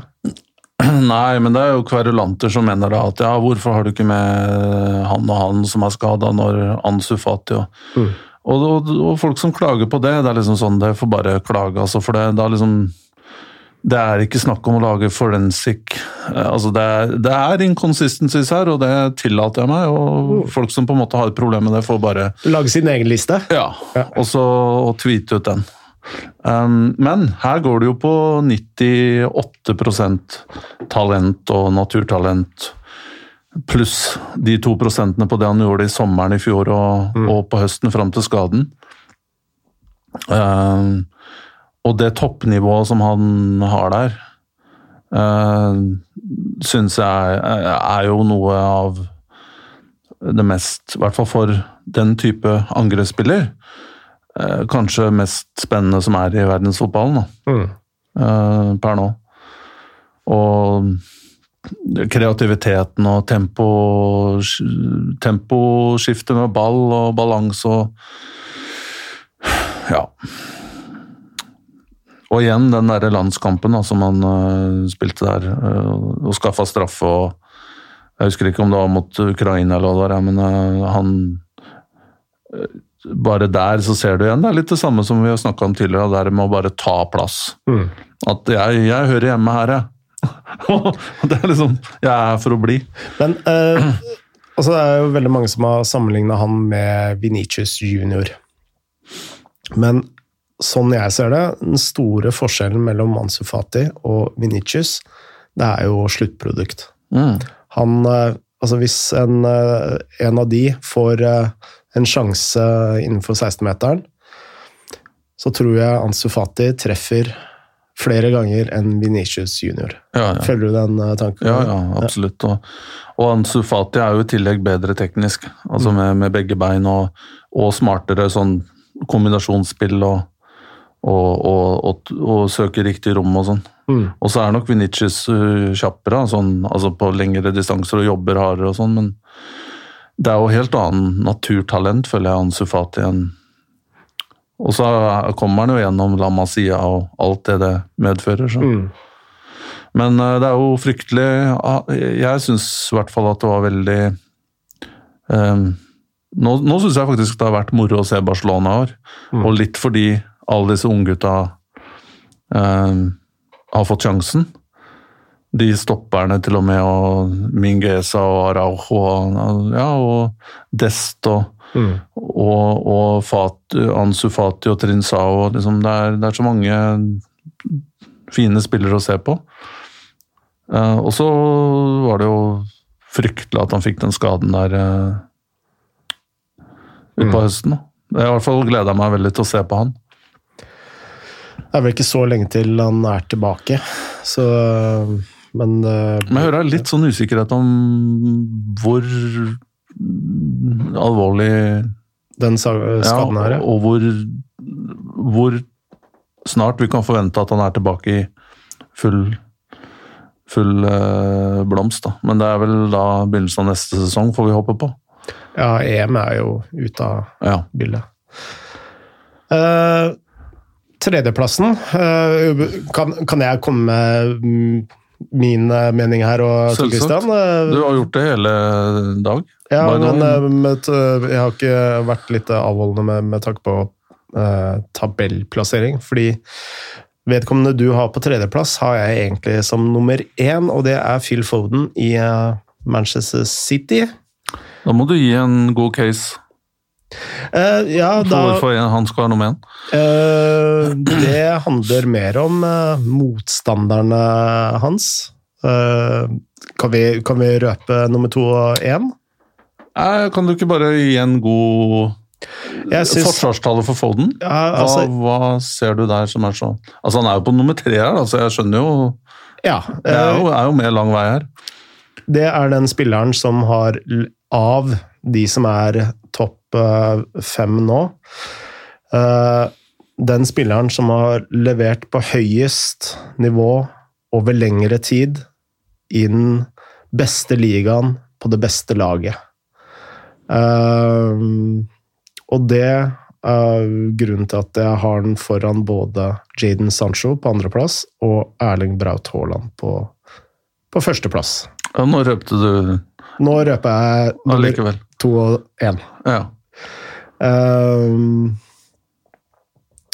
så det er mitt argument, da. Uh, hvis vi ser på Erling Braut Haaland, altså, så en landslagspausen. Du går lenge uten å, å være en del. Han kommer tilbake til Dortmund. Uh, fortsatt uh, uh, Fortsatt litt prega.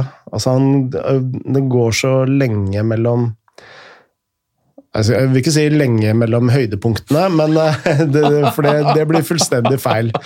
Men han eh, viser også, da, og da særlig på, på landslaget, at eh, han er kun et menneske, han òg. mens Phil Foden han har levert eh, på alle arenaer. I større grad enn Braut Haaland, syns jeg. Jeg, jeg tenker jo Altså eh, tallene, at hvis vi bare skal ta det med Haaland, Mm. så har han mer enn ett mål per kamp. I Champions League og i Bundesliga. Um, det er ikke så mange som har. Lewandowski har det vel. Uh, som på en måte er han har, Lewandowski hadde ikke det da han var 20-21 år. Da var han i Lech Poznan. Og spilte mot Fredrikstad i Uefa-cupen, eller hva det het. Mm. Tror jeg. jeg tror, eller jeg lurer på om han var skada til de kampene der. Men, og Sam Allardyce prøvde å hente den til Blackburn, som han har har prata om siden. Eh, Men jeg vil jo jeg vil jo, eh, Så får vi komme litt tilbake til spillertypen og sånn her, da. Men jeg vil jo si at Haaland Det han holder på med, selv om han ikke skårte på Hadde et opphold der på fem-seks kamper, eller hva det var. Det er jo ekstremt, det han har holdt på med. Eh, Og hvis, hvis du ser bort ifra Lewandowski Eh, og ser på toppskårer i de andre store ligaene, og ser bort fra Messi, da, som er som et fenomen, eh, så er det jo få andre spillere som kan vise til det, det Haaland har gjort. Mm. Og i Champions League så er han vel fortsatt toppskårer, eller? Eller han er i hvert fall helt oppe i toppen der. Um, Foden Foden har fått gjennombrudd. Altså skikkelig. Mm. Og det eh, var også på topp ti i fjor, tror jeg. Eh, nå går det litt i surr her, det blir mange navn, men han Alle maste om at han fikk for lite tillit av Guardiola. Og det var en av de tingene jeg også nevnte her, da. Og så har han begynt å få det, ikke sant. Og så ser man eh, ser man at dette her er Han er bedre enn jeg trodde han kom til å bli, altså. Jeg, jeg, jeg så han da han eh, som, som alle andre, så har jeg sett han sammen med City, ikke sant. Mm. Jeg har ikke sett han noe særlig live, øh, for å være helt ærlig, men um, at han skulle bli så avgjørende spiller offensivt Uh, hadde jeg ikke trodd. Og så fort. Um, jeg vil si at det var en toss-up mellom Foden og Sancho. Altså kunne, det kunne svingt begge veier. Um, og Sancho har jo hatt den der sesongen hvor han uh, hvor han var dårlig på høsten. Uh, var litt inn og ut av laget, faktisk, før jul, så kom, men så kom han så voldsomt igjen på vinteren, før skaden. Um, men jeg, jeg syns han igjen har et toppnivå som er så ekstremt høyt. Um, og han er så jeg, bare, jeg vet ikke helt ordet jeg skal bruke, men han er så farlig, da. Altså, hver gang han kommer på ballen, så er det Og han gjør ting med en sånn hurtighet og direktehet. Om han kommer og, og han bytter, liksom han bytter posisjoner, han spiller kombinasjoner, det går så fort, det er så konkret, det er så Han er så aktiv, mm. og det er med end product da, hele tiden. Og er liksom har kontroll på hvor er bekken og hvor er indreløperen og liksom, måten han orienterer seg og, til de rundt seg, syns jeg er helt, helt vanvittig. Um, så jeg følte at selv om man kan argumentere for at Sancho har hatt en dårligere sesong enn han hadde i fjor I fjor var han også nummer um, Han var nummer én, tror jeg. Nei, uh, Mbappe var én, så han var nummer to mm. i fjor. Og så var Trent uh, Alexander Arnold nummer tre. Så kan man argumentere for at Sancho ikke har hatt så bra sesong som han hadde i fjor, og det er nok riktig litt også pga. skaden, da, men det er så mye der at at jeg mener han må høyt opp, da. Jeg vet ikke hva du tenker om Sancho, Frode? Uh, nei, jeg elsker jo Sancho, men uh, uh, jeg sitter med en følelse. og dette er bare en følelse som jeg kan argumentere noe annet på. At vi har kanskje sett det beste av Sancho. jeg tror han er såpass skadeutsatt. Han Jeg tror han fort kan miste motivasjonen. Uh, ja. Uh, litt sånne ting. At uh, Jeg er redd for det. At han plutselig er en spiller som plutselig har fem kilo for mye og Ja, han Ja. Samtidig så har jeg litt respekt for at han kom tilbake altså etter det der Manchester United-styret på høsten der, og så, så kom han tilbake. Men jeg lurer jo litt på der kan vi jo ta en annen, annen sending, men um, Sending, jeg hørtes så gammeldags ut. Ta en annen episode, heter det vel. Men du har jo tre Du har tre Dortmund-spillere på topp ti. Jeg har for øvrig blitt uh, beskyldt for Borussia Dortmund-fan oppi alt det andre her. Altså, ja. Folk er jo ute av vater. Men um, jeg bare lurer på om dette er et slags en domino da, Så hvis Sancho forsvinner, eh, at Bellingham blir et år eller to mm. til, mm. det vil jeg nok tro. At ikke han har så hastverk. Men hvis Sancho forsvinner, hva, hva gjør det med Haaland? Uh, hvis Haaland forsvinner, hva gjør det med Sancho? Jeg mener vel Dortmund var ute og sa nå i uka at de, de på en måte ville komme til å la Sancho gå hvis det kom mm. gode tilbud. Um, men jeg føler at han er liksom, Når Sancho spiller og er i god form, så føler jeg at Dortmund har et gir ekstra. Da er de nesten ustoppelige, mener jeg, da. Absolutt. Um, en av grunnene til at jeg har Phil Foden over Sancho og Erling, er jo også det at han gjør det i Premier League. Og det er en stor forskjell på Bundesliga og Premier League. Å bli en så dominant spiller på et så dominant lag i en så tøff liga. Og så, ja, Phil spiller jo en helt annen type Han er jo en kombinasjonsspiller mer enn Jaden Sancho og Haaland, som ser jo mye mer imponerende ut. Altså når uh, Haaland herjer med forsvarsspillere i, Tyskland og i Champions League, så Altså, det ser jo bare helt brutalt ut. Men øh, Og også med Sancho. Altså, når han får opp øh, driblefoten sin ut på kanten der, så er det jo Du får jo bakoversveis. Men samtidig så spiller jo Phil altså, Det å sammenligne fotball med sjakk, da, men han er jo mye mer en slags sånn sjakkspiller. Strategisk som, øh, fotballspiller. ja, og eh, Så det handler jo mye mer om eh, hva Altså hva man setter pris på hos en spiller, da.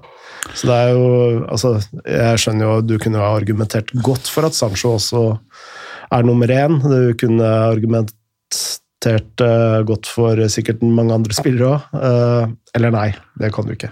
Det er de tre det handler om uh, som nummer én. Jeg, jeg, jeg, er, jeg er komfortabel med den topp treen der, men jeg tenker at jeg, hører hva du sier, og jeg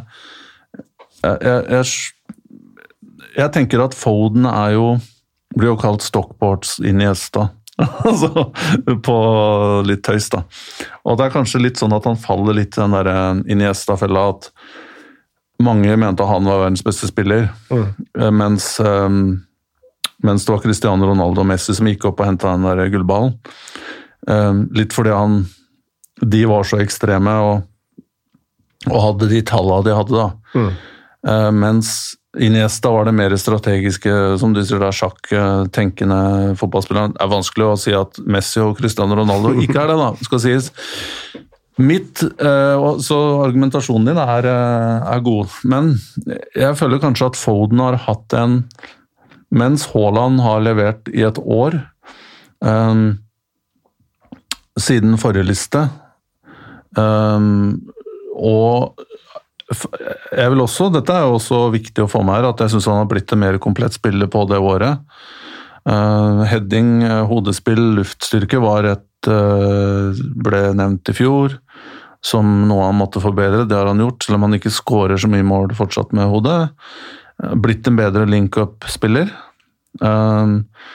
Og, og er mer komplett, selv om det er også riktig at det med presspillet, altså hvordan vil han forholde seg til hvis han må presse mer.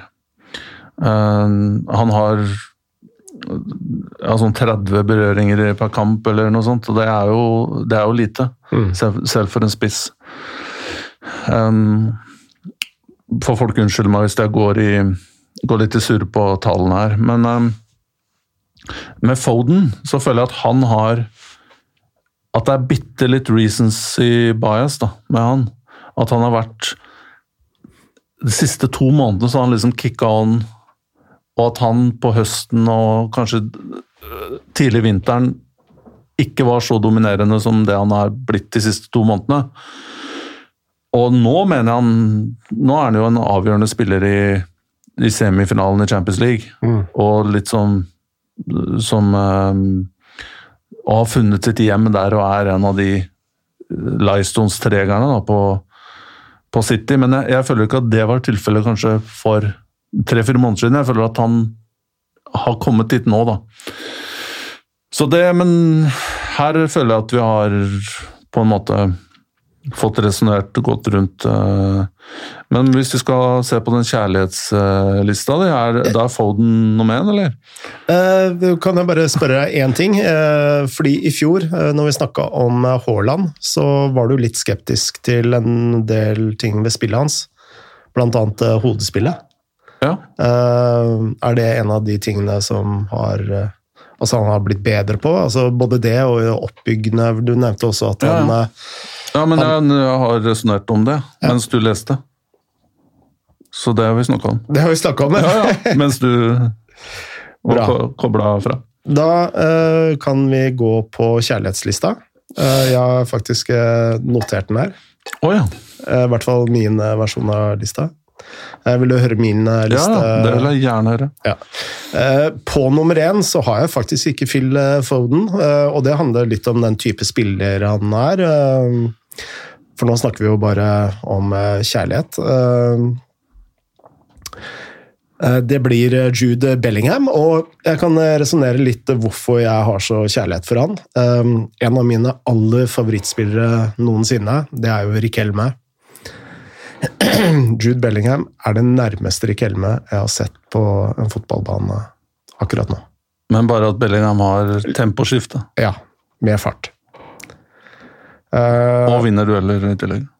så han må være nummer én på min eh, kjærlighetsliste. Eh, nummer to, det blir Kamavinga. Mm. Ja, jeg er ganske sikker på at han han ender opp i Bayern München eller eh, Real Madrid eller PSG, for den saks skyld. Synd om han skal gå til PSG, da. Veldig synd.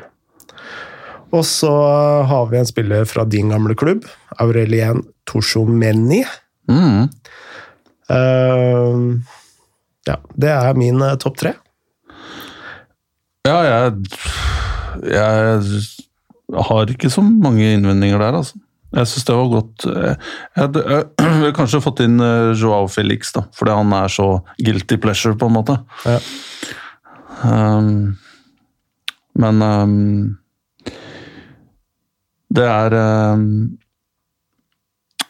Det er mye smak og behag her òg. Absolutt. absolutt. Uh, Ryan Gravenberg har jeg som bobler. Ja, jeg Veldig fin spiller å se på. Eh, og hvis du faktisk ser utenfor lista, så er det en uh, uh, faktisk Jeg har fått veldig sansen for um, Pedro Neto i Ja. Wolves, som er dessverre ute med alvorlig skade. Mm. Men han, han syns jeg er veldig en kul, kul spiller å se på. Da. Bra, da er vi mål. Er det noe Skal vi si, da ses vi til neste år. Ny- Nylig. Ja. Uh, nei, det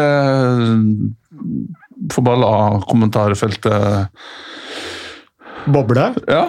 Uh, Vi kan jo anbefale alle å lese lista, for der uh, har du jo mer utfyllende argumentasjon om, eh, om spillerne og potensialet og utviklingspotensialet osv. osv. og Så det anbefaler vi alle å gå inn og lese på isbn.com og velge faen soccer. Eh, dette har vært eh, veldig hyggelig. Eh, nå har du stått ute og banka utafor studio en halvtimes tid. Men det ga vi blaffen i. ja. Vi skulle snakke om disse fantastiske spillerne som vi er så glad i. Så vi får vel avslutningsvis takke moderne media for den ekstra halvtimen vi fikk i studio. Og da sier vi som vi alltid sier her i eh, Shivatse Ja, hva er det vi sier igjen? Vi sier eh, adjø og på gjenhør. Moderne media.